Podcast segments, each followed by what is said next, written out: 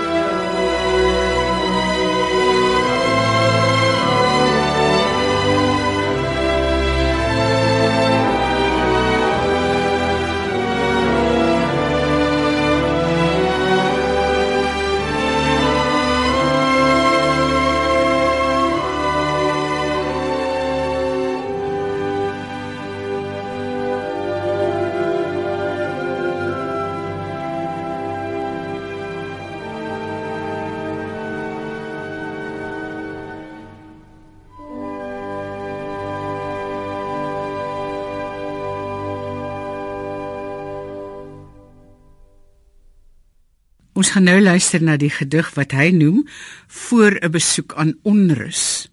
Nou dit is toevallig so dat ek in 'n stadium 'n uh, onderhoud gevoer het met Jan Rabie.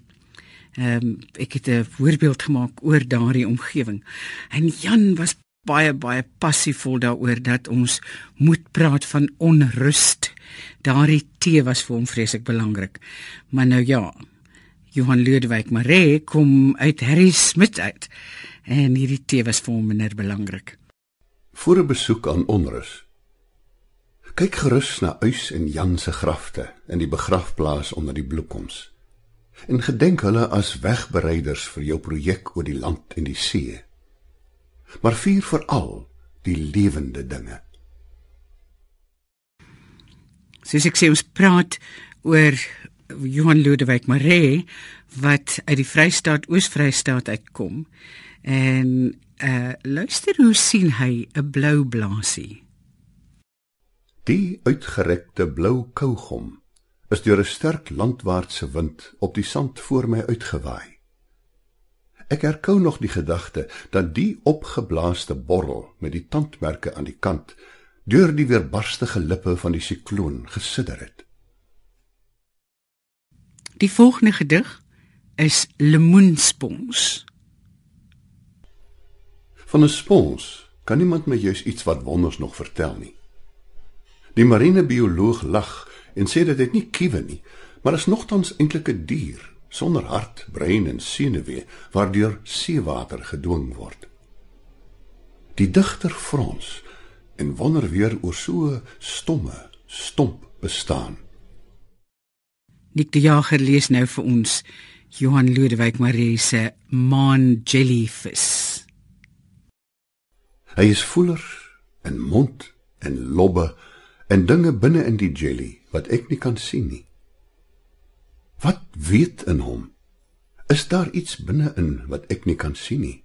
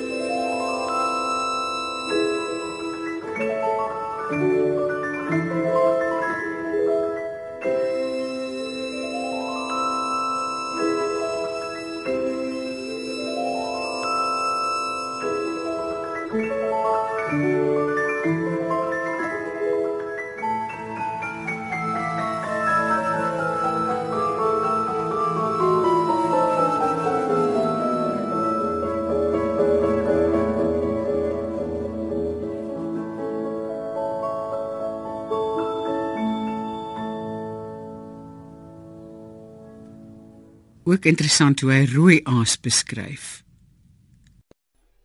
Jy het na die rots afgesak waaraan jy jou oorgegee het. En nou in die koue branding liggaam en gees aan mekaar hou. Wat is jy? Dit weet ons nog nie. Maar dat jy 'n hart van klip het, na die gekrenkte ineenkrimp as ek aan jou raak, glo ek nie. Die volgende gedig waarna ons gaan luister, dra Johan Ludwig Maree op aan TT Kloete en die gedig se titel is Tierkourie. 'n Digter het eens oor 'n skulp geskryf, selfs die binnekant in detail verbeeld en voor die leser se oë laat leef. Ek het met verwondering geluister. Tuis het ek die skulp in my hand geneem, hom om en om gedraai en goed bekyk. Hoe moet ek dan te werk gaan as ook ek die sieraad uit die see wil vereer? moet ek eers weer op my boekrak gaan soek om meer oor die oseane, vorm en gedrag van die boorling van Pemba te lees voor ek 'n woord op papier sit. Moet ek hom desnoods alkant bestudeer, in sy binneste inkyk, notas maak en sy samestelling deeglik vasstel. Moet ek die man in Maputo loop pols by wie ek hom vir 'n handvol munte van die hoop voor sy voete gekoop het? Of moet ek hom liewer teen my oor druk en luister of hy self iets te sê het. Miskien sal ek maar 'n digter moet vra.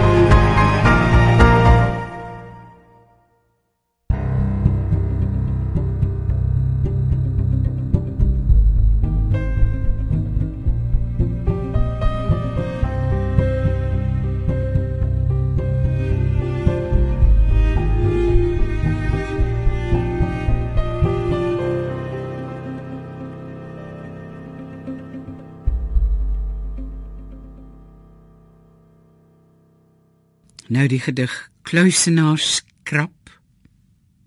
Die rondskarrelende kluisenaarskrap met die vervormde regterknyper is in sy dolle gejaag van stryk af. Maar kort voorlank verberg hy sy broosheid in 'n weerbare woning van kalsiet. Ook 'n gedig oor seepertjie. Met dun getuite snoet soek hy in skeure en gate en rank teen 'n sargassumtakkie op. Sy punthoekie is koninklik. Sy twee fonkelende oogies kyk vorentoe en agtertoe. En in die skommelende stroom is hy vermom. Nog vis, nog vlees.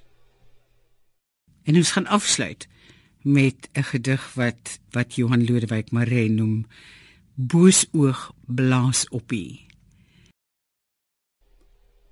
Hy grawe hom onder die sand in die vlakke riviermond in totdat net die oë uitsteek. Skiet dan uit daardie lêplek uit om die sloom bodembewoners met sy snavelbek op te raap.